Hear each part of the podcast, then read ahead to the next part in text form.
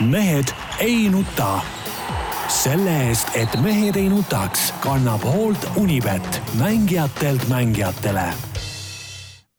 tere teisipäeva, Mehed ei nuta eetris nagu ikka. kõik siin suurepärases Delfi stuudios. Tarmo Paju, mis läheb remonti. kas mitte viimast korda me ei ole selles stuudios niimoodi? me tuleme siia tagasi, aga siis. ei, seda küll, ma mõtlen nagu noh, selles sellises stuudios. Tarmokene. me me oleme sellest remondi asjast kuulnud juba nii palju, et ma ei usu enam tuli millestki. kiri, mina tuli. eile ei no sain mis selle, kiri, mina sain ka, jah et. hakkab pihta. kuule nii, tere päevast ühesõnaga. jah, Tarmo Delfi Delfi, Delfi omanik põhimõtteliselt või, või juht, aga ma ütlen ka, et, et kogu aeg nõukogude ajal räägiti ka, et Lenin on surematu, aga näed, ei ole, surnud, kuidas ei ole? ikka surematu, rahva hinges. ei, surnud, ta on alles. jah, nii Peep Pahv Eesti Päevalehest ja Delfist ja Jaan Martinson Delfist ja Eesti Päevalehest ja igalt poolt mujalt. olin nädal aega eemal lasti Ja- tagasi sind. Lasti ta- läbi häda.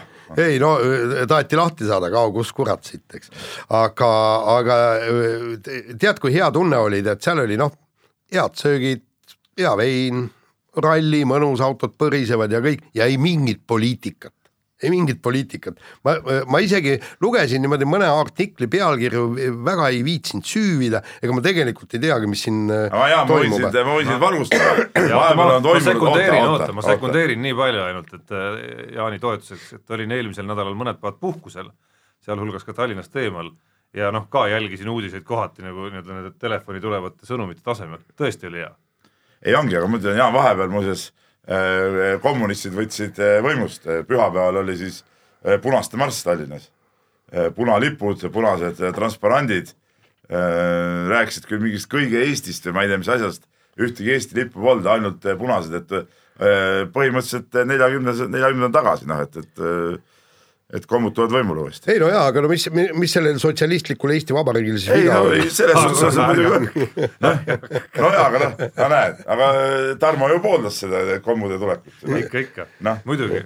sellest ma just, sellest, see sõnum käiski, Peep, just selle kohta, et äh, igasugu siukse nagu äh, müra suhtes äh, saab eemal olles kuidagi üsna immuunne olla lihtsalt. ei no ei, mis müra, sa oled ära ja samal ajal äh, punased vallutavad Tallinna tead. ja, ja vallutavad, ei vallutavad, vallutanud või? ikka, ei ikka., aga, aga aga muide mida need, mida need punased siis tahtsid sealt saada, mis see no, tähendas? mida sa, Peep nüüd, mille, mis sul häda on? ei, mul on. las inimesed avaldavad meelt, kui Ei, neil on vaja meelt las avaldavad. avaldavad teie omad, nemad. ei las avaldavad, aga mingid inimesed, kes räägivad mingeid Eesti jutte, siis tulevad punalippude ja punaste loosungitega välja, no see on idiootsus kuhugi. jällegi tähendab, ütlen niimoodi, et, et äh, lugesin artiklist noh, mingisuguse kolmandiku mingi osa ära ja siis noh, siis panin klõksa sinna artikli ki- kinni, ma ei mäletagi, absoluutselt ei mäleta, kes, kes selle kirjutas, aga artikli mõte oli see, et äh, uus võimuliit äh, lõhestab rahvast ja kogu Eestimaad, EKRE on värdjad ja kõik ja anti kuradi niisugust tagu, et kui see ei ole Eestimaa lõhestamine, siis, siis mis asi on Eestimaa lõhestamine? ja siis, siis räägivad siin mingid ajakirjanikud peavad siin kõnesid, kuidas tsensuuri ei ole ja ei tule, aga no võtaks siis natuke, ütleme siukest, tsensuuri muidugi ei tohi olla ja, ja kõik peab olema vaba ajakirjandus, see on nagu selge. aga no võiks natuke seda kallutatust maha tõmmata küll, eriti see Rahvusringhääling, kus need siin igast eh, mehed siin sõna võtavad, et, et eh, noh, see on ikka piinlik, mis seal saadetes toimub. või siis, või siis siin on muide teine võimalus, mis, mis väljamaal on öö, mõningate ajalehtede ja, ja minu meelest ka telekanalite puhul, kui nad annavad selgelt märku ja annavad ametlikult teada, millise nii-öelda, kas on demokraatide no, või no vabariiklaste seda poolt Eestis ja- teinud Jah. ju traditsiooniliselt kogu aeg. jah, ja, ja palun, siis, siis anna ka tuld jagu, eks.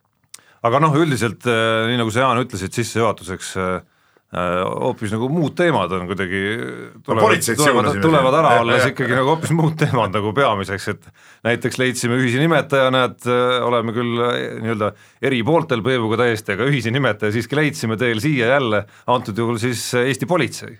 ei ma tahan, no ma räägin esimese oma loo ära, ma, mul on äh, Elmar Vaher on vist see Eesti politsei juht, eks ole, et mul on Elmar Vaherile väike sõnum.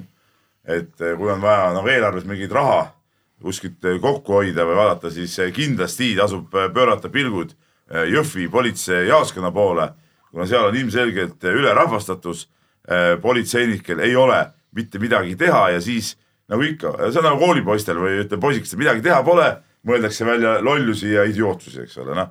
ja juhtus selline asi, mul oli reedel üks mälestusväärne käik Jõhvi, Jõhvi linna ja, ja, ja sealsest spordihoonest väljudes. tahad sellest oli... lähemalt rääkida? see, seepärast selleks, eks ole, sellest võib hiljem ka rääkida.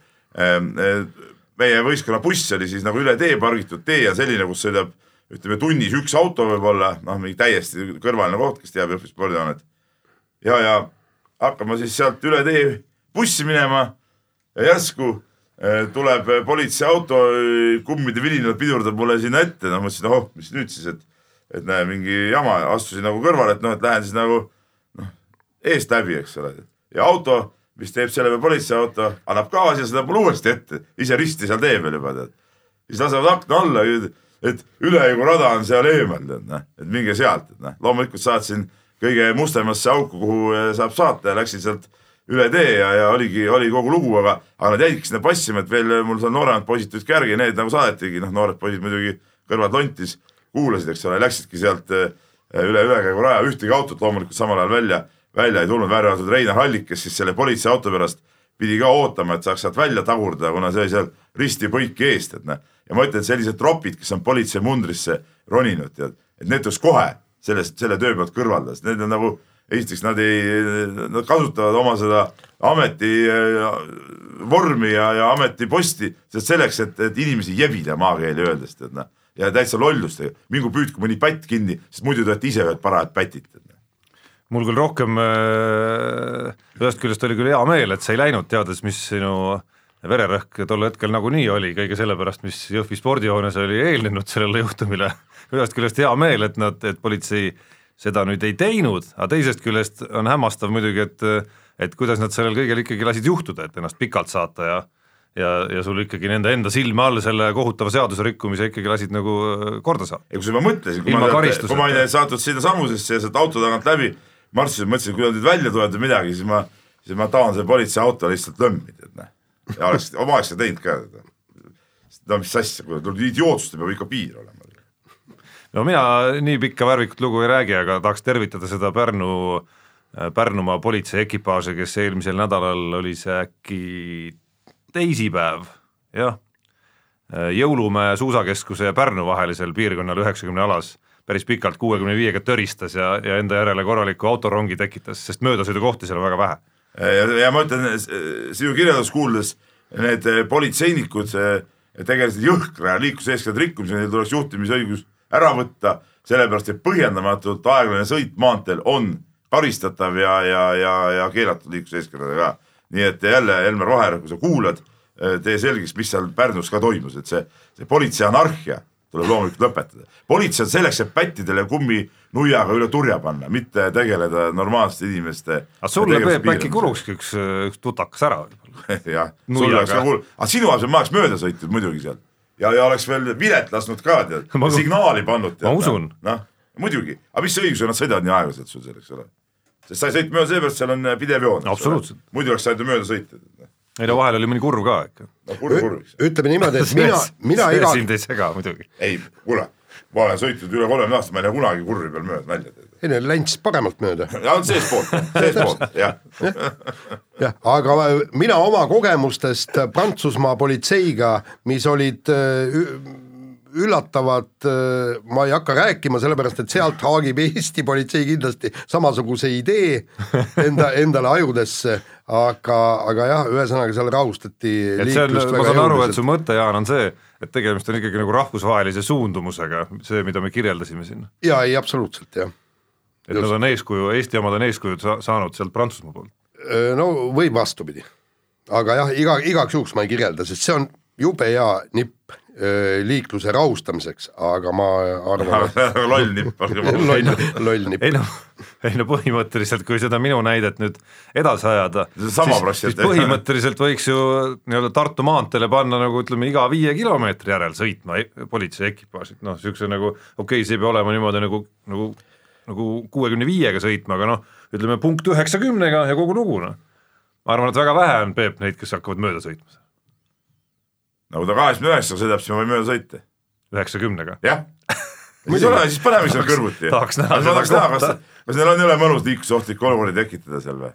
no vot, nii, nii, kuulge, räägime nüüd tõsistest autojuhtidest, räägime siis jaa, aga enne kui sa lähed selle ralli- teema juurde täna postitas keegi, kas see tuli meie Facebooki või kuhu tuli, täpselt kümne aasta tagune Mehed ja nuta saade, ma ei tea, see oli see periood, Tarmo, kui sa lühikest aega Jaa. olid eh, kõrval, telekanal, kusjuures vaatasin logo oli äh, neljas jah. sellise nime all. see oli peale Kalev Sporti siis järgmine, järgmine, ütleme, seesama kanal läks edasi uue nime all, eks ole, rahad olid juba otsas peaaegu.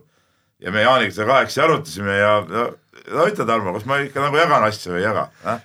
jah, kui ei Ei noh., mu keel ei paindu, Peep. Sa pead sa pead ise ära rääkima selle lihtsalt, mu Ei keel mu keel ei paindu, siis on vähemalt, siis jääb siuke mulje, vaata, et mees ise kiidab ennast, vaata. ei, ma võin kiita küll ennast, sest kümme aastat tagasi toimus siis saade Mehed ja nuta telekanalis, neli, nagu sa ütled. neljas. neljas, noh. Ja, ja, ja äh, istusime Jaaniga seal laua taga, see oli siis telesaade. Rääkisime, et täna või homme algab siis Portugali ralli ja ma parandasin, et täna algas, et oli see publiku katse ja, ja seal sõidab siis Ott Tänak ja ma ütlesin välja lause, et, et Ott Tänak on ilmselt uus Marko Märtin. Jaan seal tegi nüüd kohatut naeru ja. Ei no Jaan lõpetas selle üritas, vestluse üritas nii, naeru nagu ta- väristada igatepidi seda minu väidet, et noh ei no minu arust ta, ütleme jah, Jaani olekut meenutades lõpetas ta oma klassikaga, et vaatame ralli ära ja siis siis näib, aga noh, ütleme. ei, ta ikka naeruvääristas. kui nüüd teistpidi aus olla, Peep, siis ütleme, et äh, sealt alates oli Ott Tänakul veel nagu päris pikk tee sinna, et, et saada uueks Marko aga siis oli näha juba, oli juba näha. oota, oota, Peep, minu meelest on see kohatu võrdlus. Ott Tänak on juba praegu näidanud, et ta on parem kui Marko Märtin ja, ja seda ma väitsingi. aga kui vaadata et seda, mõte, sinu nagu kõhkluste mõte oli see lihtsalt, et ütleme, et miks, miks sa Otti nagu nii madalalt hindad. just täpselt miks sa nii madala mat-, aga kõigil soovitan seda videoklippi vaadata, on see ikka meie seal seina peal? et ta ei ole veel seina peal, aga me kindlasti postitame selle lähipäevadel sinna seina peale äh, ka. Jaan, Jaan näeb see välja päris, päris noore poisikesena, lihtsalt nägu on kitsas nagu kitsajälg siuke.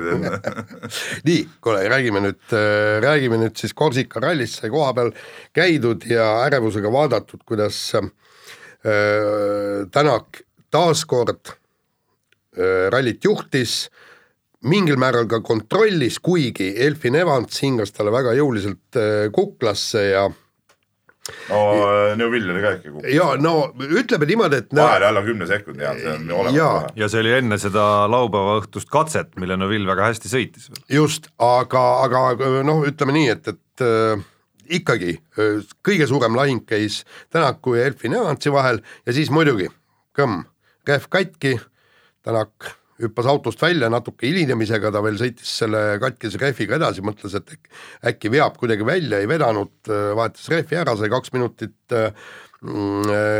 kaks minutit ajale otsa selle jama pärast ja, ja põhimõtteliselt võit oli kadunud sellega. Ja, ja minu meelest see, mis, mis nüüd viimasel katsel juhtus, kui Elfin Evansil rehv läks, kusjuures mõlemad rehvid ju läksid täiesti siiski mingil määral süütutes kohtades, kui Elfin Evans, nagu ta ise väitis ja oligi nii, et ta hoidis sõidujoont, seal olid kivid maas, kivi vastu läks rehv ja kaotas esikoha. lõpuks oligi seesama Neuvill, kes, kes veel laupäeval tunnistas, et tal ei ole ikkagi äh, kahe kiirema mehe vastu suur, suuri võimalusi. laupäeva õhtu tunnistas, kui seal oli kaks katset just sõita., just ja, ja, ja kaks katset hiljem ta juhtis rallit. just ja, ja Sebastian Ogier, kes ei võitnud mitte ühtegi kiiruskatset ja kes veel pärast ka, pärast rallit tunnistas, et, et nende auto ikkagi ei liikunud, absoluutselt, kiirust ei olnud autol. palun, teine koht ja MM-sarja liidri koht. selles suhtes mulle kõige rohkem sügav mulje jättiski, et Sebastian Ogier sõit seal rallil, et kui targalt võib toimetada, et kui sa näed, sul auto ei lähe, sa ei võta ühtki riski, sa lihtsalt sõidad ja lased teistel eksida No selle tempoga, mis sul on, sa ei hakka üle push ima seal ja sõidad ja lased teistel eksida ja, ja elu on näidanud tihtipeale nii võib jõuda päris, päris kõrgele kohale. no kui me kusjuures toome nagu, toome nagu siis ütleme väiksemasse maailma selle, selle äh, teisaldame siis nii nagu Rootsi ralli sõitis junior WRC sarjas äh, äh, Roland Poom, eks ole, sõitis omas tempos lasi teistel eksida, lõpuks sai teine koht, nüüd oli Ossier WRC sarjas täpselt samamoodi. noh, kusjuures äh, äh, kiitust tõstab ju see ka, et ta mingid kohustuslikud lükked suutis isegi sellises seisus ära teha, ehk et Sordost ja Suninenist sai ta, sai ta nagu ikkagi ja kasutas ära just neid pikki katseid selle jaoks, noh, kui mida, kus sai tarvis nagu palju. ja huvitav, huvitav oli vaadata just, et need pikad katsed, see näitas välja, kes on sõidumees, kes mitte, eks, kui sõideti siis laupäeva õhtune see teine pikk kiiruskatse, nelikümmend seitse kilomeetrit, siis oligi kolm nii-öelda MM-tiitli jahtijat olid kõik, võtsid kambakesi kolmikvõidu ja igaüks sai oma eesolijast ette. et ja, ja isegi Ogier näitas seal väga sündsat kiirust, aga, aga noh, kuna nii pikk katse, vähe eksid, sealt see aeg tulebki. ja noh, kui sa kiitsid Ogier'd, siis äh, olgem ausad, et äh, võib-olla Terrine Vill äh, noh, tembeldati ka võib-olla nagu liiga palju selliseks, mäletate, Ott kunagi ütles noh, selline naljaga pooleks nagu lucky bastard, eks ole, Neville'i kohta, mis siis vist Neville'i solvas tol hetkel kuidagi, aga aga noh, tol korral oli see väljend nagu igati omal kohal, aga antud juhul ühest küljest küll, aga teisest küljest oli mees ikkagi nagu kogu aeg kuskil seal kümne sekundi piires võitlemas nii Evansi kui Tänakuga, ehk et ta oli ikkagi päris kiire, hoolimata sellest, et ta mitmel korral tunnistas, et kuidagi nagu kiirust napib. jaa, aga Tarmo, võta, võta nüüd siis et, et, et, et minu arust seda, minu arust Neville'i on siin nagu alahinnatud ikkagi kogu selles võitluses, ka aga... siin minu kolleegide poolt. kuule, võta see pühapäeva esimene kiiruskatse kus ta sai Evansilt ikka täiesti kalendriga, mis oli, see oli viis, viisteist, kuusteist. sai, sai, sai muidugi jah ja,, aga noh, lõppkokkuvõttes ralli kokkuvõttes oli vahe ikkagi enne viimast katset väga väike ei, enne viimast katset oli juba suur, siis oli üksteist kopikatega sekundit no, sealt enam. loomulikult Evans oleks võitnud selle ralli, kui ta oleks, kui tal oleks juhtunud seda, aga, aga me räägime ikkagi marginaalsetest vahedest seal no vot, ja nüüd, nüüd ongi see küsimus, et, et äh, nagu Ott Tänak äh, väitis, eks, et küsimus on ikkagi Toyota velgedes, iga, iga äh,, igal te, tiimil on ju omad väljed, eks, ei ole sinna, millele siis Michelin lihtsalt ainult äh, rehvi ja kummi peale paneb. ja, ja et äh, ühest küljest võiks hakata, et noh, et mis sa, mis sa nüüd jälle hakkad selle velgede taha pugema ja kõik, eks, aga kui me vaatame, Toyotal neli rehvi purunemist kuigi, kuigi äh, ükskord ma Jari-Mati Latvale ütles, et äh, ise, ise oli nagu süüdi mingil määral, aga, aga samas jällegi sealsamas äh, rallipargis kui vennad rääkisid ja näitasid ja ma ei mäleta, kes see seal, see oli vist soomlastest keegi ajakirjanik, kes näitas, kuidas Neuville oli, oli sealt lõigates tõesti sinna tee äärde sisse sõitnud ja ei midagi, rehv ei lähe katki, välg ei lähe katki, mitte mingit probleemi, et teised saavad nagu neid jõulisemalt lõigata ja neil ei lähe ja, ja sisuliselt Evansi eh, rehvi purunemine oli ülejäänutel tiimidel sisuliselt ainus oluline nagu märkimisväärne. ja, aga Jaan, ma ei saanud, ma ei saanud nagu aru, eh, kas seekord läksid väljad ka jälle katki, sellest seda ei, seda, seda ei, seda ei öeldud. seda ei öeldud. see küsimus, et kui kui velg jäi terveks, et, et mis see velg sinna rehvi siis puutub nagu.? no vot, ma ei saa aru, ma ei tea, vajub nagu velg läbi või miski jah. või, või, või kuskilt sealt on noh, nagu ma ei tea, kas, kas võib-olla see väljakuju tuleb natukene muuta või kuskilt midagi. jah, ei, see, no seal oli ju, kui ta, kui Ott Tänak rääkis, et haig-, aeglasesse kurvi läks, aga seal oli teeauk oli sees mm. -hmm. oli ja siis äh, läksid sealt teeaugust läbi ja, ja kõmm kähv katki, aga no ma, ma miskipärast kahtlustan, et ta ei ole ainukene, kes sellest teeaugust läbi, läbi läks sest äh, tema hoiab ju tegelikult väga head sõidujoont. aga no tervikuna Tänakul seisul ei ole häda midagi ja, ja Tänak on jätkuvalt hooaja põhifavoriit praegu, et see punktiseis on ju tema suhtes igati, igati soodne ja soliidne. ja, ja nüüd minu see ennustus, mis ma siin tegin siin peale Rootsi rallit peab jätkuvalt paika olema. ehk siis? ehk siis äh, Tänak liigub äh, tiitlikursil. ja ütleme niimoodi, et, et nüüd on kaks ääretult otsustavat rallit, mis tulevad teineteise järel, üks nendest on uus, Tšiili ja enne seda Argentiina, mille Ott Tänak eelmine aasta võitis ja, ja nende kahe ralliga tuleb siis võtta nüüd siis äh, liidrikoht tagasi või siis vähemalt ütleme niimoodi, nende kahe ralliga tiitlit ei võida, aga nende kahe ralliga võib tiitli kaotada.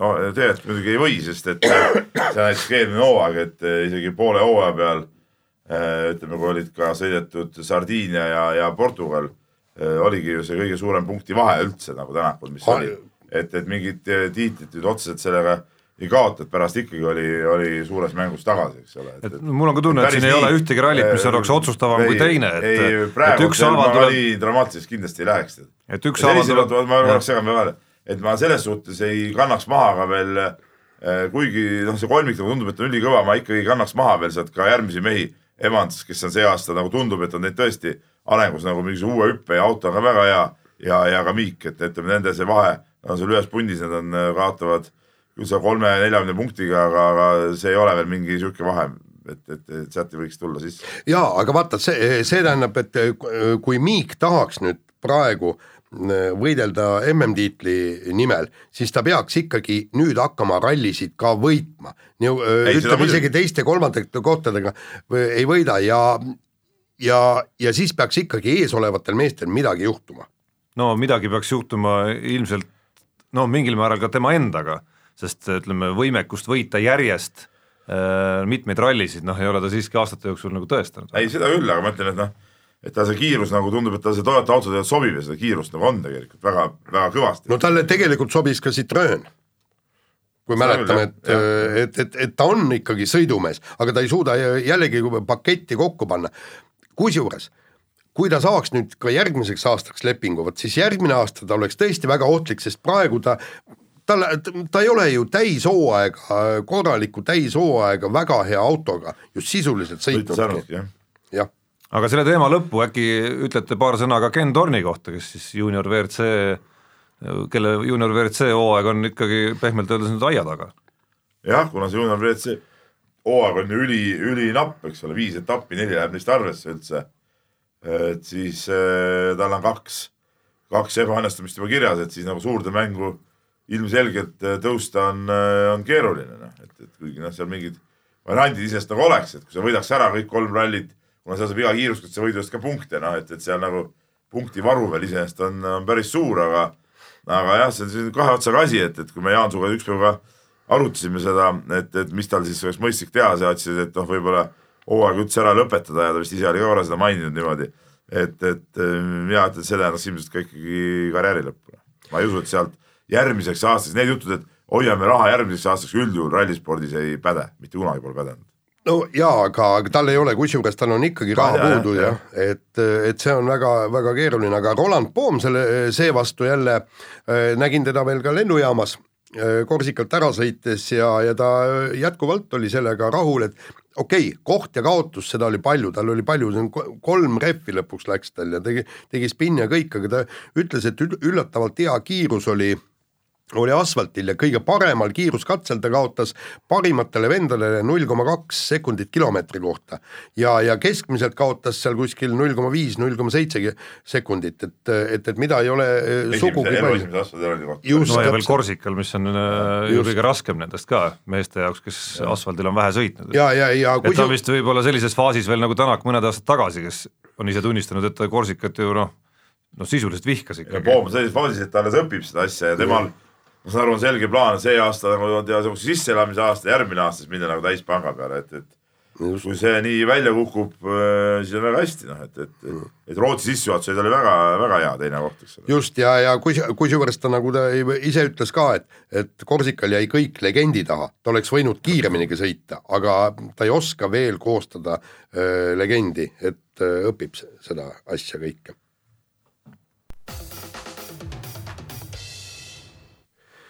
Jätkame kiire vahemänguga ja ja tuleme dopinguteemade juurde ja EOK treenerite komisjon võttis Mati Alaverilt öö, ära kutsetunnistuse Andrus Veerpalule samas jättis kutsetunnistuse alles. see küll aegub kohe nagu See- aegub kohe jah. ja see aegub kohe, aga teine, teine küsimus on ka ju puht juriidiline.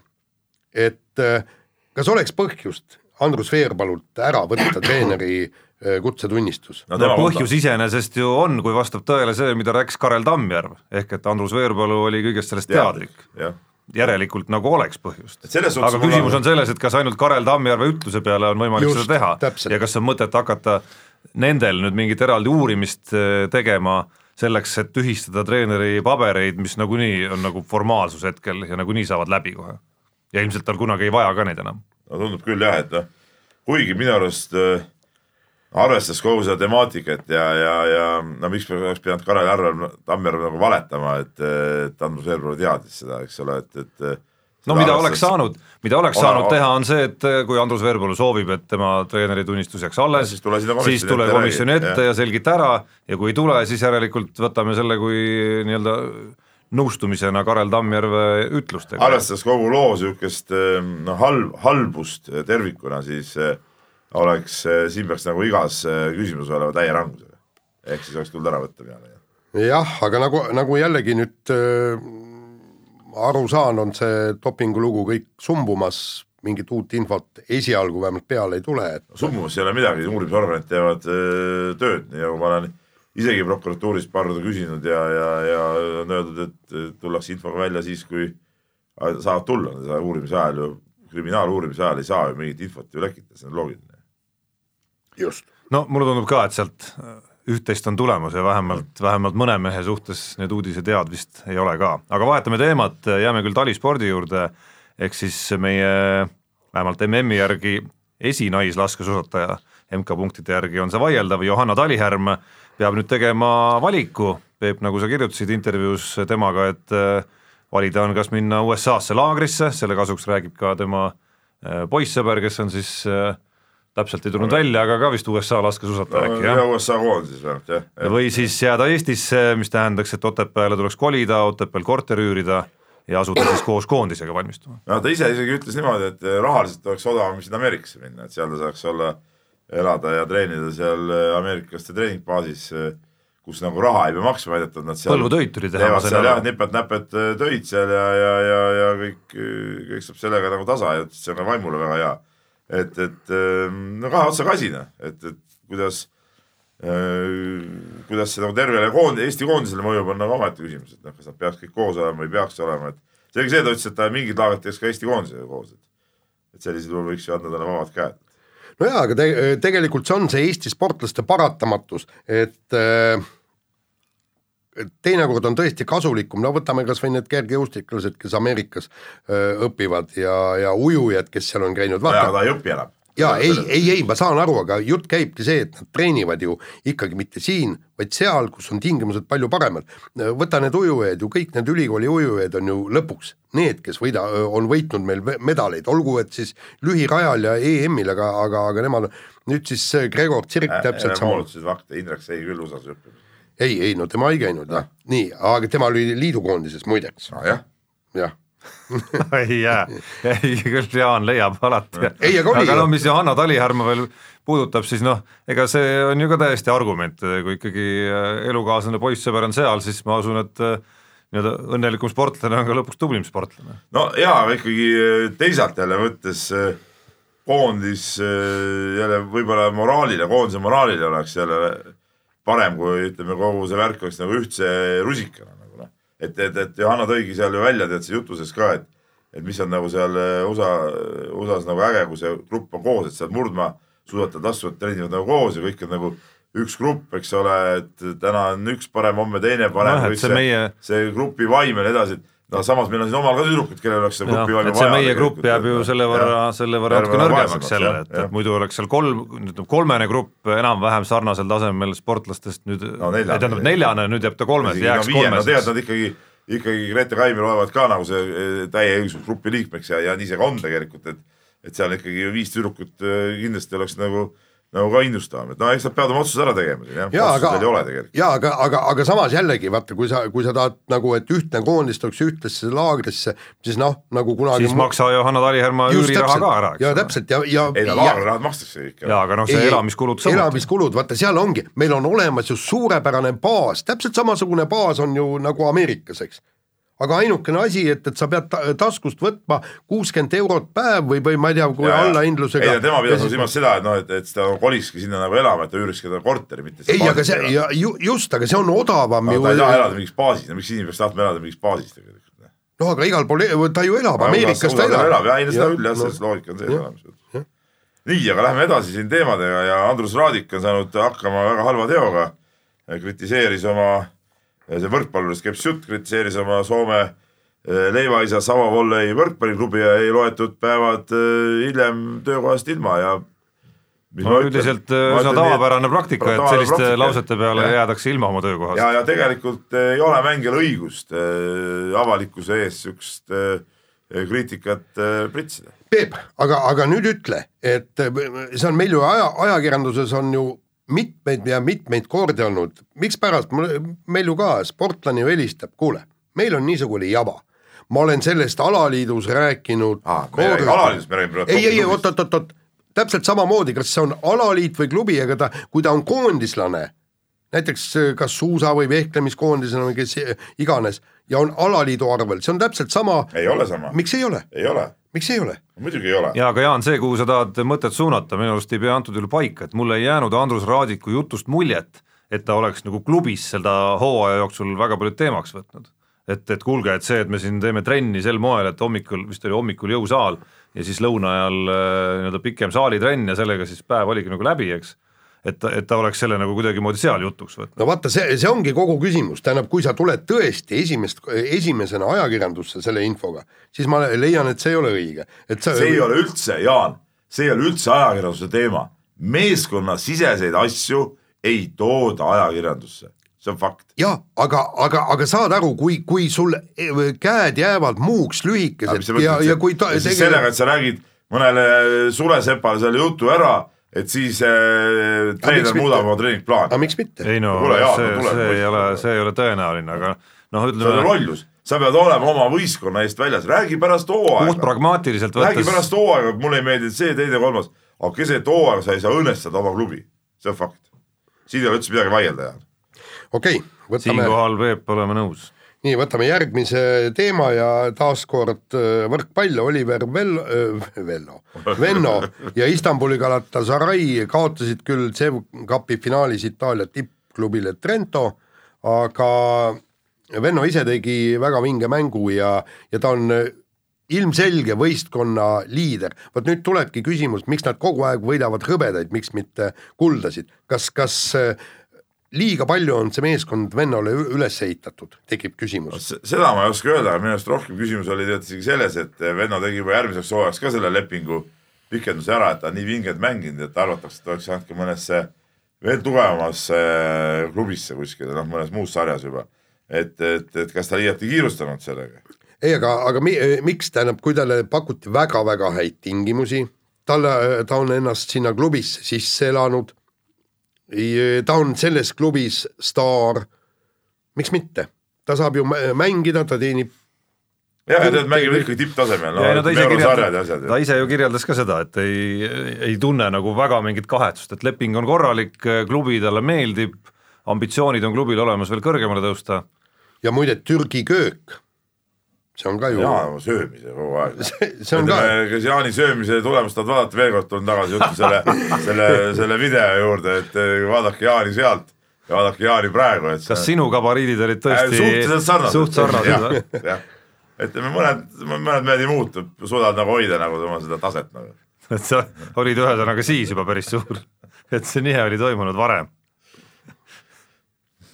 nii, nii., jätka aga jätkame ja, ja, ja veel korra võrkpallilainel, ehk siis äh, Pärnu ja Saaremaa võrkpalli poolfinaal sai küll läbi, aga Kiret päris mitte, ehk siis, äh, ehk siis äh, meie kolleeg Märt Roosna kirjutas loo tagasivaatega sellesse seeriasse ja selle seeria teise mängu ja selle teise mängu viiendasse game'i, kus siis kohtunik Saaremaa matšpallil eksis ja eksis Pärnu kasuks. Ja, ja asjaolud on üsna pikantsed ikkagi, selles mõttes, et üks nendest kohtunikest, kes oleks võinud seda eksimust näha, oli siis äh, Pärnu peatreeneri Aavo Keele vend Aare Keel, et see on nagu üks teema, mis saarlastele pähe ei mahu, et kuidas see asi on võimalik ja, ja teine laiem arutelu keskendub siis sellele, et kas ka Eesti võrkpallis oleks vaja investeerida äh, vähemalt nelikümmend tuhat eurot pluss jooksvad kulud sellesse nii-öelda video challenge'i süsteemi või siis anda kohtunikele õigus kas või telepildist vaadata neid olukordi üle no,, nagu, nagu korvpallis. siin ongi nagu kaks asja, eks ole, et, et kõigepealt võtame selle, et Võrkpalliliidu poolt muidugi jäme eksimus, et eh,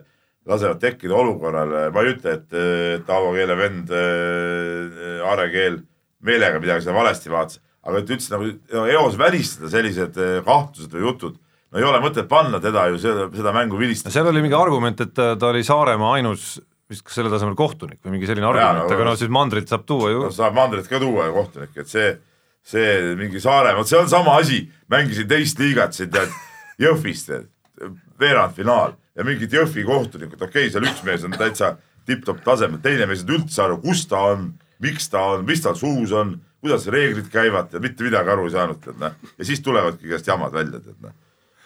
äkki oli keegi ka seal, ma ei tea, Jaanus Liivaku või Reinar Alliku vend? seda kindlasti mitte, seda kindlasti mitte, lihtsalt et, et tase oli nõrk ja siis tuleb tuua Tallinnas samamoodi seal ka, et, et mis see Tallinnasse võiks võrkpallikohtusse Saaremaale viia see nüüd ei ole küll mingi ületamatu kulu nagu kellelegi, et sihuke asi välistada, teine asi on muidugi see, et võimalikult vähe igast video vaatamisi pallimängudesse, sest noh, korvpallis ka on see asi on täitsa käest ära läinud, tead noh, hokis no just äh, täna vaatasin eilse KHL-i poolfinaali kordust, äh, väga põnevad, soovitan kõigil vaadata, seal kõvevad mängud käivad, eriti see CSKA ja Peterburis ka mänge seal ka no ma ei tea, kümme minutit peaaegu vaadati ühte olukorda, kas läks jalast või kepist seal ja siis lõpuks tuvastati, et ikka läks jalast, ei lugenud värav aga noh, kuulge mehed, no nii ei saa no,, mäng peab ikka edasi kestma ja, ja mingi inimlik faktor peab, peab seal säilima.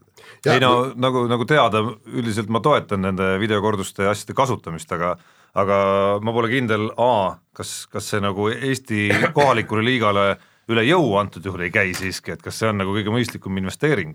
Äh, ja noh, B on see ikkagi, et need, mis mulle väga ei meeldi, on nüüd see, see asi, mida on hakatud harrastama siin äh, koduses korvpallis et, et tõesti minnakse vaatama siis nagu sellist noh, nagu et nii-öelda nagu päris kordusi nagu pole, on ju, aga siis vaatame seal Tavalist kuidagi, kuidagi natuke liiga loovalt on hakatud sellesse nagu korduste asjadesse nagu lähenema. vot, vot ma tahtsingi selle koha pealt jälle omakorda sõna võtta. aastaid-aastaid tagasi, kui Margus Hunt mängis ülikooli meeskonnas siis näidati telepilti, põhimõtteliselt ma telekanalisse see pilt ei läinud, see läks ainult ülikoolide inter, interneti kaudu sai neid vaadata ja siis noh, siis saime ka meie internetipilt, eks. järsku vaatan, kõik mäng peeti kinni ja ütleb, et booth review, eks, et ühesõnaga minnakse videost vaatama, mida pekki, te võtate seda mängu kolme kaameraga üles, on ju, eks, ja kõik nii. aga siis ma hakkasin uurima ei, mitte midagi, neile jätkub sellest telepildist põhjusel, et kui nad saavad selle telepildi kaudu kindlad tõendid. et nad eksisid. et nad eksisid, et siis, siis on kõik okei okay., et ei, ei, ei pea seal olema mingi neljakümne tuhandene. aga see, aga see vajab, ma sekkun, et see vajab minu arust selgemaid äh, nagu reegleid et mis puhul neid asju nagu üldse minnakse vaatama, et, et minu arust, et neid, ei no need on, aga minu arust eh, neid tuleks nagu aeg-ajalt ikkagi nagu üle ka vaadata, et mingites asjades minu arust minnakse nagu liiale ja, ja siis tekib ka nagu, võib tekkida, mäletate, kui ei olnud veel ametlikult videokorduste aega, eh, kunagi oli Saku Suur oli üks mäng, Kalev mängis, eh, oli see Rii, mingi Riia sats oli kus, kus mindi vaatama siis mingit viimase sekundi viset, kas jalg oli joonel või ei olnud. ja muidugi noh, see oli, see oli nagu nii loovalt leiutatud üldse, tol ajal ei olnud sellist nagu vaatamise mingit reeglistikku üldse vist. ja no muidugi vaadati valesti ka, sest abikommentaator Jaak Salumets ütles, et näpuga näitasid ja nii on. jalg oli joonel,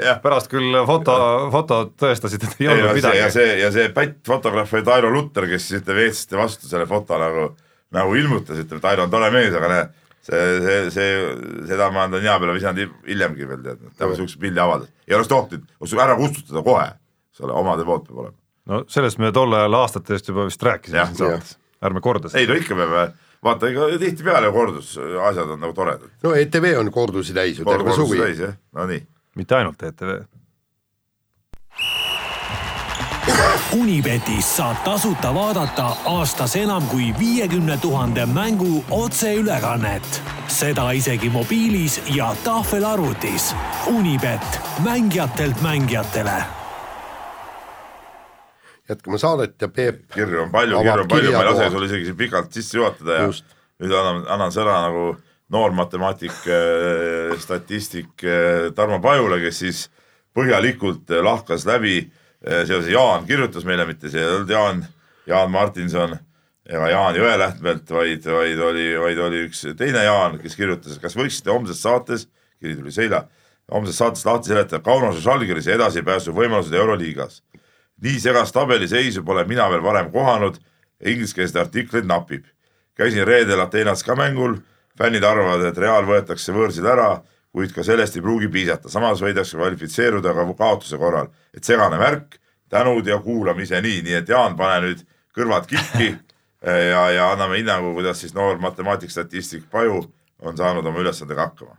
Ja no eks ma nende variantidega olen olnud sunnitud tuttav ka muudel põhjustel kui ainult selle küsimuse pärast, aga äh, käisin need nüüd viimase vooru eel ka korraks uuesti läbi ja, ja selles mõttes see, seda väga lühidalt kokku võtta on, on keeruline, sest neid variante on tõepoolest hästi palju.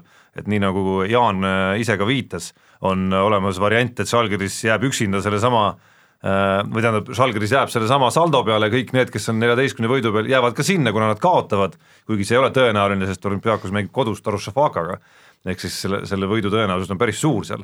ehk siis noh, väga tõenäoline ei ole, et piisab sellest variandist, et nad kaotavad. Ja kui me nüüd võidu variandist räägime, et Žalgiris no, oma võidu Madridi Reali üle võõrsil, juhin tähelepanu, kätte saab siis ka seal on neid variante nagu tohutult palju, alustades sellest, et Žalgiris on ainus meeskond viieteistkümne võidu peal ja saabki oma kaheksanda koha, kuni selleni välja, et seal on äh, kuuendast kuni üheteistkümnenda kohani kuus meeskonda kõik võrdsete võitude arvu juures. ehk siis äh, kui kuidagi nagu konkreetsemaks seda juttu ajada, siis need variandid, äh, kuidas Žalgiris võites saaks ikkagi välja jääda, on näiteks siis sellised, kus äh, Äh, kui, kui mingi ühine nimetaja neile panna, siis nagu kõige halvemad asjad, mis Žalgirise jaoks saavad sel juhul juhtuda, on see, kui Victoria Baskonia kaotab samal ajal võõrsilt CSKA-le, ehk siis viieteistkümne, jääb viieteistkümne võidu peale ja Žalgirisel on Baskoniaga siis mõlemad mängud kaotatud. Ja teine väga halb variant on, kui altpoolt või ütleme nendest meeskondadest, kes on hetkel ka neljateistkümne võidu peal, saab Milano ka oma viieteistkümnenda võidu kätte. et, et need surnud ringid, kuhu tulevad nagu Baskonia ja Milano sinna sekka on üldiselt sellised, mis Žalgirisele ei sobi. kuigi neid variante on rohkem, nagu ma ütlesin, sest näiteks ja. kui ka Panathinaikos juhtuks kaotama Pudučnostile ja kukub ka sinna surnud ringi, siis, siis, siis see on jälle väga hea, eks, ja, ja ka Maccabi tulek alt ei ole üldse nagu halb iseenesest ja. ja olümpiaakos olek on nagunii hea ka, eks ole. just, täpselt. Et kõige halvemad asjad ühesõnaga on Baskonia kaotus CSKA-le ja Milano võit võõrsil Anatolia FS-i üle. ütleme neist esimene on suhteliselt noh tõenäolisem, eks ole. noh, Anatolo on edasi pääsenud juba, eks nad seal vaatavad ka, keda võib-olla vastu valida juba või. ei, valida ei saa, sest neljas ja viies koht on ja. paigas juba, nad kohtuvad igal juhul Barcelonaga. jaa, need on paigas, õigus, õigus, jah. et küsimus jääb lihtsalt, kui tõsiselt nad seda ja. mängu nagu põhimõtteliselt võtavad. kahjuks, Žalgirise kahjuks on näha, et Madridi Real väga lõdvalt ei pruugi võtta seda, seda näitas Madridi Reali viimane mäng kus, kus ühel hetkel oli näha seal, kui jälgisite Sergei Lulli pingi peal Äh, mismoodi ta nagu utsitas omasid mängima, siis oli näha, et äh, ilmselgelt oli võetud siht, et, äh, et me paneme täiega ja ehitame ja seda ja, ja ehitame seda mängu nagu head mängu ja. ikkagi play-off ideks, mitte ei lase vahepeal ennast kuidagimoodi lõdvaks. see võib tihti kätte maksta. absoluutselt. nii, aga lähme siin kirjaga edasi ja kirjutab meile Hannu ja Hannul on väga pikk kiri, ma siin natuke seda lühendan ja ta kirjutab siis nii, et Peep on korduvalt rõhutanud, et paberleht on meediavahendite A ja O viimase nädalavahetusel sattusin maale vanemate juurde ja laupäeva hommikul hommikusöögilauas nägin värsket Eesti Päevalehte paberkandjal. Äh, olin ise väga hästi kursis Korsikal oli tulemustega, kuid täpsemate muljete kommentaaridega ei olnud kurssi jõudnud viia. ja siis meenuski mulle, et EPL-il äh, ja Delfi toimetuse poolt on ju, on nii-öelda oma mees Havannas saadetud, et härra Jaan Martinson on Korsikale komandeeritud, et seega peaks olema laupäevane EPL paksult täis ralliteemalist artiklitest ja reedeste päevade kokkuvõtetest, eks ole, kõik need asjad. teeb ta siis aga lehe lahti ja, ja oli seal tore intervjuu Hanno Talijärvaga, mitte sõnakestki antud nädalavahetuse kõige kuumemast teemast ehk Korsika rallist. et äh, tegelikult küll leidsin lehe nurgakese, lehest nurgakese, kus soovitati alla laadida mingisugune Delfi äpp, aga pärast mitmeid katsetusi ja klikke paberil ei tekkinud sinna muud midagi peale rasvases, rasvaste sõrmejälgede.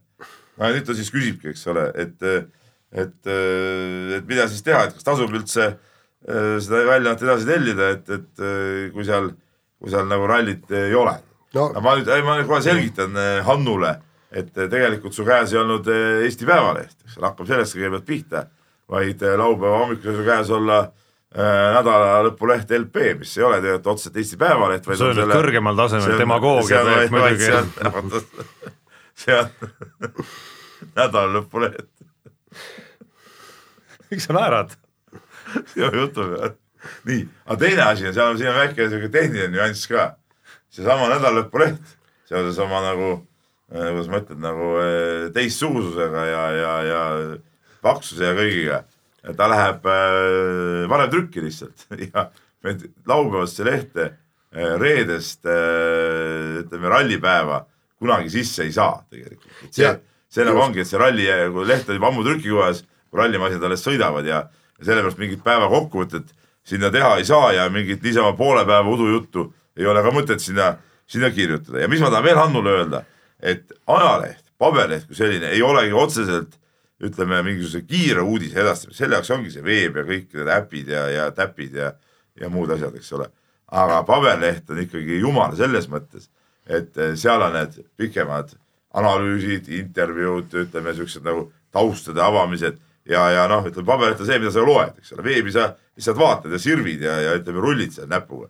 aga paberlehte sa loed, et see no, ongi nagu see. üks on pikk, nagu üks on pikk ajakirjandus, teine lühike ajakirjandus. no aga seda enam räägid sa ju Peep vastu endale praegu, et kui äh, nagunii uudised ei ole ikkagi lehe jaoks, eks, siis seda enam see, et äh, laupäevane leht läheb varem trükki noh, ei ole mingi argument, miks ei võiks laupäevases lehes olla mingisugune me sügavam, sügavam analüüs me ei saa analüüsida no, asja, mis sa lõpeb pärast see võib olla ka intervjuu või reportaaž. no ei, ka muid žanre. ei, aga äh, see oleks ikka ääretult totter, kui me teeme näiteks seal mingisuguse suva, suvalise. näiteks Tänak katkestab pärast seda.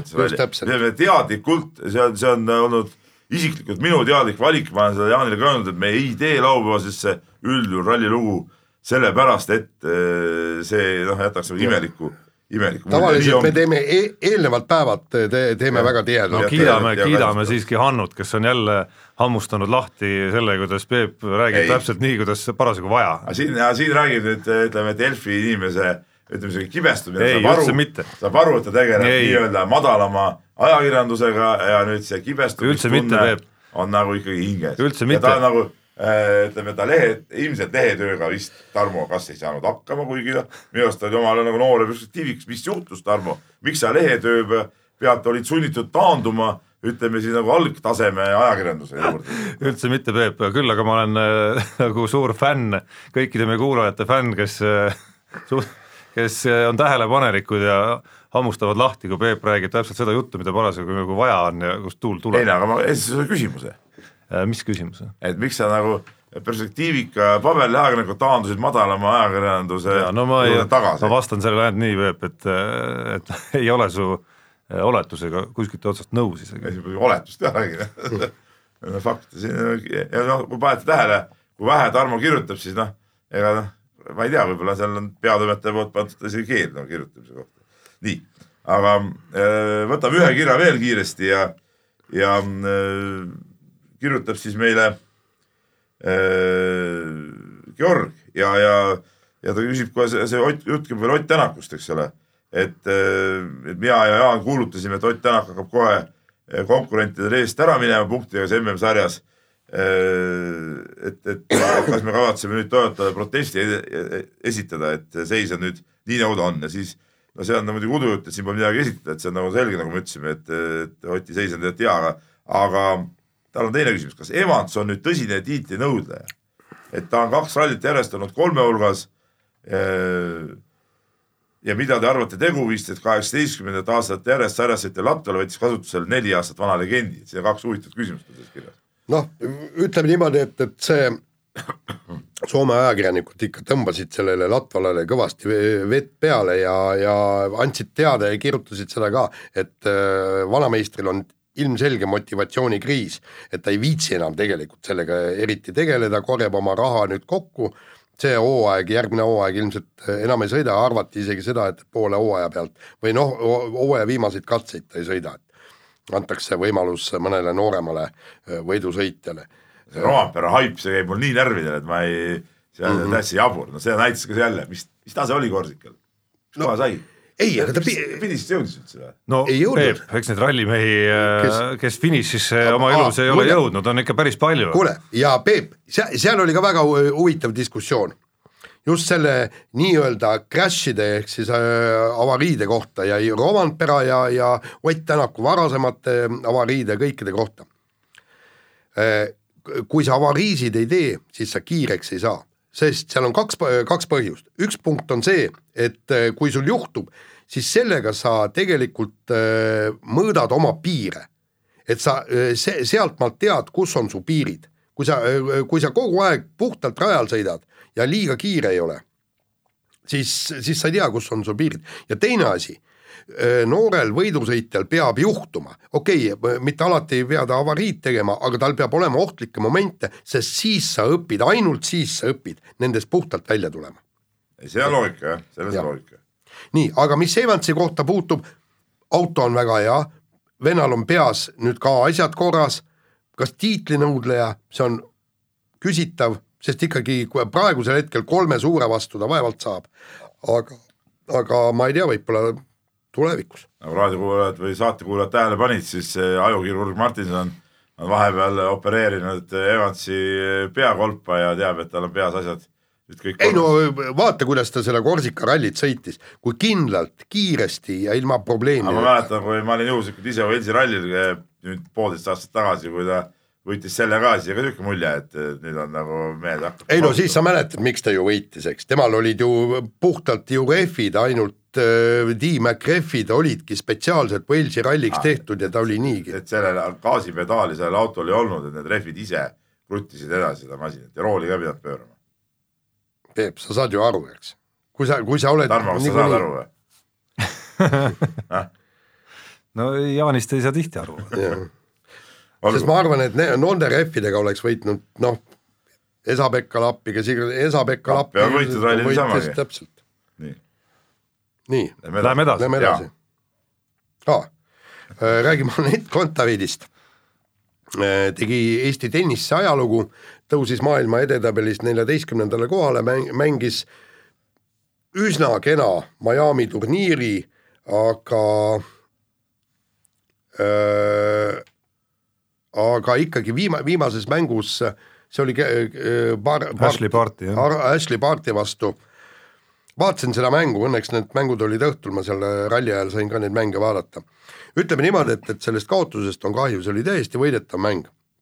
ja nüüd ongi, ongi vaja teha järgmine samm ja, ja, ja võita ka võidetavaid mänge ja, ja mitte lasta peas see kaotus äh, vormistada, sest see oli puhtalt ikkagi mõtlemise ja psüühika taga, miks sealt see kaotus tuli. no ühe sammu Anett Kontaveit on viimastel turniiridel teinud, eriti Miami's just, see on nüüd see samm, et vähemalt äh, tabelikoha järgi endast nõrgemate vastu äh, ja õhtutel, kus mäng nagu väga hästi sujunud, suutis ta need kõik mängud ikkagi ja mõne ikka päris raskes seisus, siin üks oli ju null nelja pealt viimases setis, võiduks ära vormistada. Ja Tarmo, oota- oota, ma- ma- ma tegelikult nagu kõva sõna, aga oota, oota, Tarmo, ma ütlen siia vahele, sinna seisu, kus kohas ta lõpuks hakkab jälle üles tulema jõua, jõuab ta just sellega, et ta mingisugusel hetkel hakkab tujutsema, ta ei mängi nii nagu peaks ja kõik, et ta laseb, veeretab endal nagu Nõukogude Liit, eks, veeretame iseendale raskused ette, et saaks neid ületada. ja, ja noh, tõele au andes natuke tuleb äh, tunnistada, et tal on õnne ka olnud siin viimastel turniiridel, et et sellesama Bianca Andreescuga, tõusva komeediga sai ta ju ikkagi nagu äh, noh, põhimõtteliselt ju peaaegu loobumisvõidu, eks. Kui tervislikel põhjustel Andreescu jättis mängu pooleli ja, ja tal oli samasugune mäng oli ka Sevastovaga ju Indian Wellsis ehk siis kui vaadata nagu väga huvitav paradoks on see, on hetkel Anett Kontaveidi selle hooaja ja selle aasta tegemisi vaadates, kus neid võite endast eespool olijate vastu on ta vist, kui ma nüüd õigesti mäletan, saanud vist ühe ainult. ainult eelmine aasta ta ja, sai ja väga oli palju ja see, ja see oli ka juba, juba siis sellel hooaja esimesel või aasta esimesel nädalal oli vist Petra Kvitoval, eks. Aga küll on ta suutnud äh, väga palju stabiilsemalt äh, nii-öelda mängima hakata siis selliste enda tasemel või tabelikoha järgi natukene nõrgemate vastu, ehk siis ehk siis seal neid libastumisi on jäänud kõvasti aga see parem vähemaks. variant on sinu arust? noh, lõpuks tuleb kaks asja kokku panna, kui sa tahad esikümnesse tõusta, see on selge lõpuks tegelikult ju vahet ju ei ole, see turniir näitas jälle, okei okay,, ta tõusis kõrgemale kohale, see on suurepärane kõik, aga tervikuna see muster oli täpselt sama ju. Mängib hästi, väga hästi, väga hästi ja siis ikka ühel hetkel tuleb see kukkumine, enne kui jõuab sinna päris, no nagu päris sa, õigesse kohta nagu sa. Peep nägid, seal turniiril oli, jään arvudes võib-olla võlgu, aga noh, umbes sajast tennisistist üheksakümmend üheksa jaoks ühel hetkel tee lõppes nagu ära. Jaa, see on, see on jälle, sa oled demagoogia, sa oled, ise oled demagoogia kõrgema taseme esindaja. Eks ma õpin, mul on head õpetajad. Mul on head käinud õp- mul on head õpetajad noh, see on ju täielik jama jutt ju noh, et tegelikult eh, see mingi sada tennisist ja sel pole üldse mingit tähtsust, tähtis on see, et Kontaveit jälle otsustaval hetkel murdus kui me räägime selles äh, nagu printsiibis, et äh, eeldus lõpuks on jõuda maailma esinumbriks, siis loomulikult tuleb hakata neid mänge võitma, no loomulikult muud moodi ei saagi sinna. ja, ja, ja ma, ma, ma veel kord ütlen, kui on vastane on tõesti noh, nii-öelda teeb mingit imelist turniiri, imelist mängu, täpselt nagu Ostapenko, kui ta võitis ära Prantsusmaa lahtised, see oli vist kaks aastat tagasi, eks ju. no parti, ma ütlen vahele, tuli küll turniiri võitjaks ka. ei, ta tuligi, eks aga, aga kui sa vaatad seda mängu, kui sul ei ole mitte midagi teha, sa teed oma häid lööke ja sealt tuleb veel parem vastus, see on tõesti abitu sa oled abitu ja, ja kaotad siis mängu, siis ei ole mitte midagi teha. aga, aga vaadake, kuidas vaheajal, mida treener tuli ju ütlema. et ta kogu aeg rääkis, ära tegele heategevusega, mängi oma mängu, hoia palli mängus. Ja, ja kõik nii. Ja siis, kui me vaatame, analüüsime seda mängu, me, me võime, isegi meie siin kolm, võtame selle telepildi ette, me ei ole mingid tenniseeksperdid, aga me näeme täpselt ära, kus kohas see mäng kaotati noh, see see paradoks oligi, et ta ei mänginud tegelikult sellel turniiril äh, nagu üleüldises pildis eriti head tennist tegelikult, et ta suudaks palju paremini, et selle, seda hinnatavam, et ta suutis need ühest küljest nagu ära võtta, need mängud, mis seal kõik nugade peale läksid, aga noh, tuleb hakata paremini mängima, kui sa tahad nüüd veel ikkagi edasi jõuda, kui sa tahad tõesti endast tugevamaid võitma hakata. ja, ja ühel hetkel ta peab ikkagi, ma loodan, et see tuleb kogemustega, et äh, kogemusi peaks tal üllatama. võib-olla läheb veel temal aega et, et ühel hetkel ta tõesti suudab oma mängu muuta, ta ei hakka tujutsema, äh, mängib taktikalist, taktikaliselt õigesti, ei tee neid äh, absurdseid vigu, ehk siis kui sa rabaku sinna võrku lööd, eks noh, ja, ja, ja siis mitte midagi ei välista, et, et ta võiks võita mõne suurturniiri või tõusta maailma, noh, ma ei ütle nüüd esinumbriks, aga esikolme sekka. et noh, seesama kohtumine veerandfinaalis selle Taipei tennisistiga, kelle nime ma ei hakka siin äh,, ah, ta nii keeruline ei ole ka, Su Wei Xieh, et, et kui sa vaatasid seda mängu, ma ei tea, kas sa nägid seda, aga siis, siis ütleme, see, mis hakkas toimuma viimases setis alates null-neli seisu pealt oli selline, oli, oli selline, et sa ei saanudki aru, et kuidas oli üldse võimalik, et, et see seis nii kaugele sai nagu minna. ja ei just. ja, ja noh, ja no, seda ei olnud naiste spordis, kus seal ühe krõpsu et, et, et noh, seda ei tohiks lasta juhtuda, et isegi kui sa oled parem kellestki, siis äh, viimases setis null nelja pealt äh, väga harva tuled sa välja ikkagi, et need kaks geimi saab ka sinust nõrgem mängija ikkagi enamikel juhtudel kätte. tõstame nüüd tempot, sest kell juba oi-oi kui palju. nii, vahetame teemat äh, ja läheme jalgpalli juurde, Eesti jalgpallikoondis naasis tuuliselt Gibraltarilt napi võiduga, abiks oli siis tuul, mis aitas väravasse Konstantin, Konstantin Vassiljevi karistuslöögi ja ka kohtunikud, kes vilistasid vastaste viigivärava puhul olematu suluseisu. Ja kui ajakirjanikud sellest kõigest väga vaimustusse ikkagi ei sattunud, Eesti omad siis, siis Martin Reim, peatreener Eesti koondisel, sai natukene pahaseks isegi ja, ja soovitas ajakirjanikel maa peale tulla et, äh, et selliseid Gibraltari suguseidki ei ole tegelikult tema sõnul väga lihtne võita, ehk siis küsimus, kas äh, ootame jalgpallikoondiselt liiga palju ja oleme liiga ülekohtused? ei, mitte seda, aga Reimi, Reimi reaktsioon oli nagu äh, võistkonna treeneri jaoks täitsa loomulik, noh et, et et tema jaoks ikkagi võit oli kõige tähtsam, et kuidas see võit täpselt tuli, võib-olla ei olegi oluline, et tähtis oli meeskonnale saada seda võidutunnet kätte, noh ja, ja sellepärast ja ta nagu kaitseb ka võib-olla, kui hakatakse äh, seal ründama, noh te mängisite kehvasti, no, no mis see treener ikka ütleb, siis ta ütlebki, et, et no jaa, et see tegelikult oli hea võit ja, ja nii ongi. ei no ta ei olnud hea võit. treenerina, treenerina, treenerina Rein muidugi peabki nii ütlema, see on selge. et aga tervikuna loomulikult ütleme, kui me vaatame seda mängu, siis loomulikult me tahame näha nagu paremat ja mingi Gibraltari võit eh, ei paku nagu noh, mulle isiklikult eh, jalgpallivaatajana nagu suurt mitte midagi jaa, aga Peep, nagu ma olen lugenud siin ekspertide arvamusi ja ka ma mängu, mängu ise näinud. teisalt ma ütlen, ma, ma toon ikka väikse paralleeli, et, et ma mäletan, noh, mõnikord, kui olen ise ka siin mänginud poistega, eks ole, noh, saanud mingisuguse noh, no seda ei olnud nagu hea võit, aga noh, võit on nagu käes ja siis, siis noh, lõpuks tuled sealt välja, eks ole, siis mõni hakkab rääkima, et oo, no see oli ju nii, nii kehva mäng ja kõik ja siis tahaks küll öelda, et kuule, et, et tead puhka välja, et, et äh, võita, võita esiteks, teiseks need vennad tegid sel hetkel seal oma maksimumiga ei tulegi alati nagu head, head võitu, et see kõrvalt on alati ei ole hea nagu ütelda, et ah, see oli jama võit, aga katsu seal ise seda asja teha niimoodi, noh, et, et see on erinevad asjad. vaata, ma tahangi siin öelda, et praegu on jalgpallipõlvkond selline, et nad peavadki olema rõõmsad, et Gibraltarit võib just täpselt. see koondis suht vilets tegelikult praegu. no just, absoluutselt, no toome siia paralleeli võrkpalliga, eks võrkpallurid ju saaksid äh, malakat kohe, kui nad fi- EM-i finaalturniirile ei jõuaks, sellepärast et neil on hoopis teised eesmärgid, teised liinid, et neil on tõesti väga hea põlvkond. oli ju korvpallipõlvkond, mäletad? no vaata, kui mõistvaks Jaan on äkitselt muutunud, sest ma mäletan, et äh, ütleme jah, sa jõudsid jutuga sinna, mida ma tahtsingi äh, jätkata, et et noh, me oleme näinud ju Eesti korvpallikoondise najal ju väga ilmekalt viimase äh, paarikümne aasta jooksul, et kuidas need nagu asjadesse, asjade võtmine nagu muutub, eks ole, et ühel hetkel on sul, ma ei tea, Soome ütleme siis näiteks selline vastane noh, kelle puhul sa mõtled, et, et mis asja. Et noh, sealt me rullime lihtsalt nagu üle, on ju, ja siis on mingid ajad, antud juhul on kattunud ka Soome tõusuga, eks ole küll, kus sa noh, kus sa ei saagi Soome vastu ja peadki rõõmustama selle üle, kui ma ei tea, suudad võita seal madalamas divisjonis, eks ole, mõnda meeskonda, sest ajad on lihtsalt sellised. jaa, aga, aga siin jällegi küsimus, me oleme seda fucking jalgpalli arendanud juba aastat, kaks, kakskümmend aastat. üks kakskümmend aastat.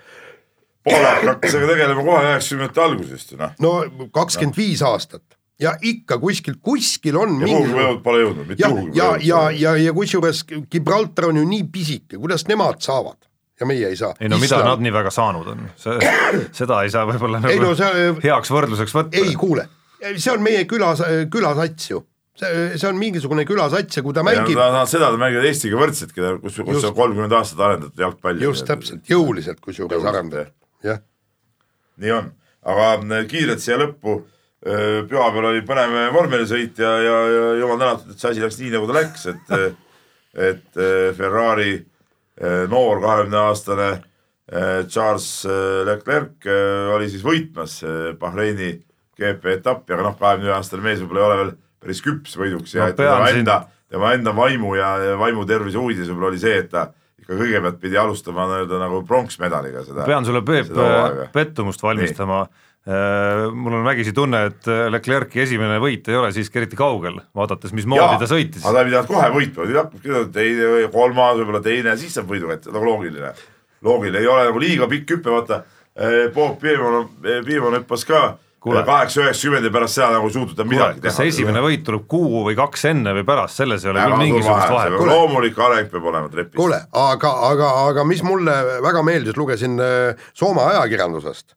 selgub, et ve- vend on ikkagi paras niisugune pujään, et äh, tiimiraadiost öeldi, kuus ringi ta oli ju Vetteli selja taga ja, ja andis teada, et tema on kiirem, mille peale öeldi, et, et oota kaks ringi ja mille peale kohe esimesel võimalusel pühkis no, nagu Vettelist no Vettel mööda andis selle võimaluse ka, eks. ei no Vettel andis võimaluse, aga ta- ei kuula tiimi, tiimi käske ja kusjuures seal on huvitav ka, et ei ole mingeid reaktsioone, mis nüüd tiim sellega ette võtab. et rahulikult sulle öeldakse, et oota kaks ringi, seisa siin taga, aga ve- ve- venda nagu see absoluutselt ei koti ja ise ta põhjendas seda, et ma, mitte ei küsinud tiimilt nõu sellega öeldes, et ma olen kiirem, vaid andsin tiimile teada, mida ma nüüd tegema hakkan. no mina pean küll tunnistama, Peep, sinu pettumuseks eriti, et, et minu vormeli huvi äh, kerkis päris mitu pügalat, vaadates seda võistlust, sattusin vaatama seda kuidagi ja ja, ja vaadates seda võistlust ja nähes, et vau, mis, mis Tegelinski on välja ilmunud, et, et ma noh, nii, nii hoolikalt ei olnud võib-olla jälginud vahepeal seda isegi. Ehk et äh, ja kui ma sinna juurde lugesin veel tausta natukene ka sellesama tüübi esiletõusu kohta ja nüüd natukene ka näiteks selle kohta, et äh, mida seal siis Ferraris peaksid äh, tiimipealikud tegema praeguses olukorras, kus Leclerc on äkitselt Vettelist kiirem juba, vähemalt mingites olukordades siin hooaja algul, siis ega see resümee, mis, mis seal lõpuks tuli ja kuhu jõuti, oligi see, et ega Ferraril ei olegi ilmselt mõistlik hakata Vettelit kuidagi vägisi hoidma tiimi esinumbri seisuses, sest äh, Leclerc reaalselt võibki olla nende suurem võimalus sel hooajal meistritiitel saavutada kui Vettel, kes on viimasel ajal ikka väga palju eksima hakanud. loomulikult, loomulikult ei peagi hoidma vägisi, kõik pannakse aja peal paika, kui ta on kiirem, siis on kiirem, ega sellest pole midagi. mis mu jutu mõte oli see, et ma ei taha, et noor mees tuleks ja kõmm esimese korraga kohe võidab ära, kurat, et noh. las ta hakkab altpoolt tulema. see ei olnud tal esimene kord, see oli tal teine siiski juba Ferraris.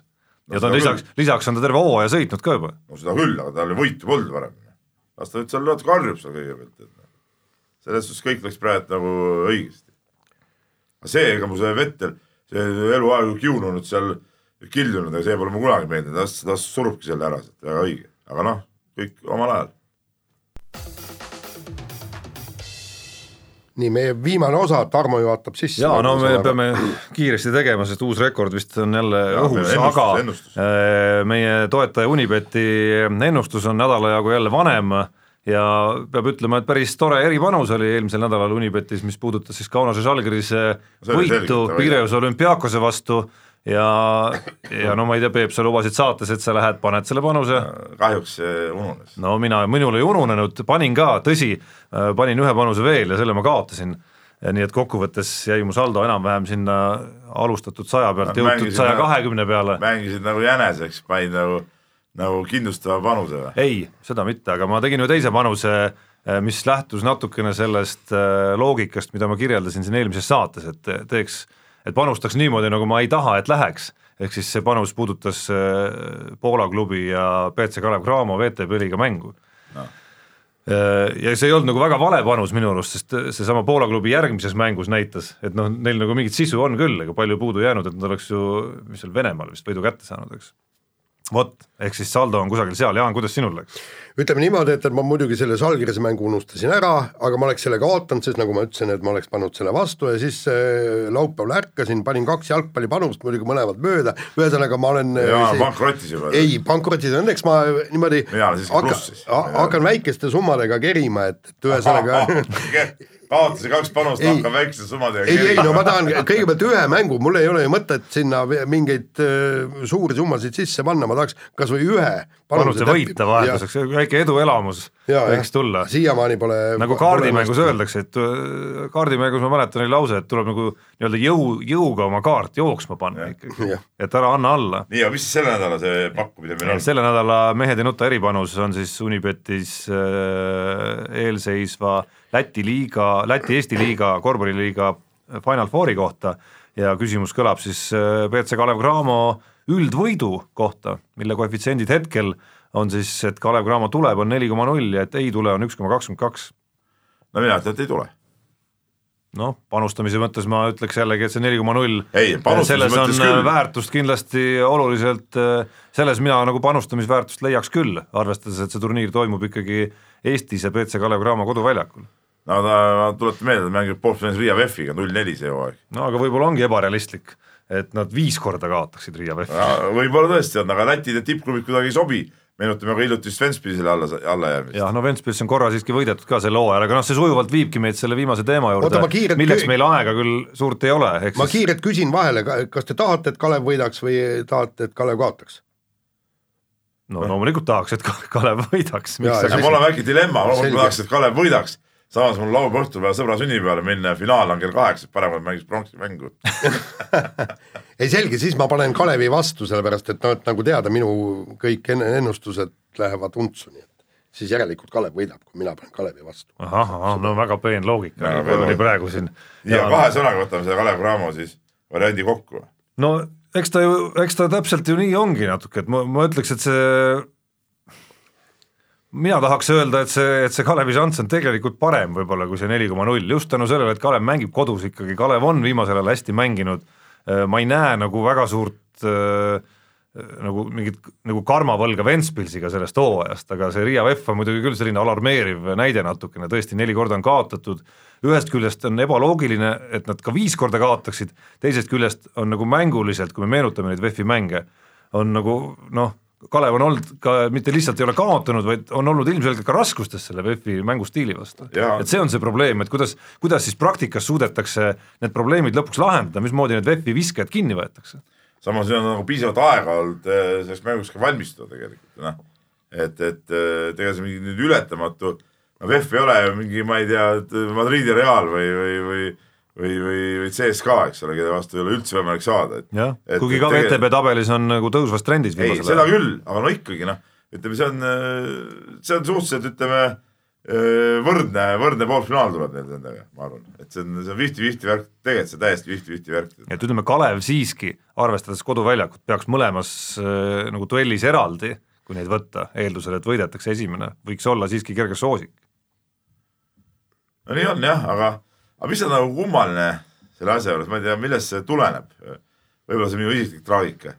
et nüüd on jäänud nagu täna on teisipäev, kolmapäev, neljapäev ja reede on poolfinaal, kolmas päev, eks ole äh,. ei ole nagu tulnud sisse seda tunnet, et mingi, mingi suur, suur Final Four tuleb peale, tead, et ma mäletan, kui, kui ähm, vanasti veel Balti liiga aeg sai käidud, siis sõidetud mingid veerandfinaalid aeg siin ka Ventspilsi ja Riiga ja, ja ma ei tea, mis imekohtadesse ja vaadatud ja kuidagi oli nagu see asiotaaž oli nagu, nagu vägevam, et praegu küll iseenesest see Eesti-Läti liiga nagu tore, mulle meeldib, et on huvitavad, noh, saavad mängida. no ja see Final Four on ikkagi päris korralikul tasemel. ja see on korralikul tasemel, aga ma ei tea nagu siukest nagu ei ole veel tulnud nagu peale no,. sa oled, sa oled minu, sa oled liiga tuim võib-olla ja võib-olla su mõtted on hoopis kõige rohkem äh, Eesti teise liiga veerandfinaalseeria juures, kus äh, ütleme, olukord on tuline, olgem ausad ja ja veel tulisemaks ma kahtlustan, et veel läheb mingi neljapäeval kõik Keilasse vaatama, kui mahute sinna saali muidugi ja kui Peep teid sisse lubab. aga mina pean ütlema, et mul, mul küll on niisugust täitsa, täitsa üle pika aja nagu elevust koduse liiga suhtes just, et, et VTB mänge ma olen tegelikult üsna regulaarselt sel hooajal käinud vaatamas juba kohapeal ka, aga, aga nüüd sättisin ka ikkagi Läti-Eesti liiga puhul oma reede õhtut just eile niimoodi, et saaks ka kohapeal olla Saku Suuredis. soovitan teistelegi no just, ja sellega on hea saadet lõpetada ja kuulake meid nädala pärast, siis saate teada, kuidas asjalood on. mehed ei nuta. saate tõi sinuni Unibet, mängijatelt mängijatele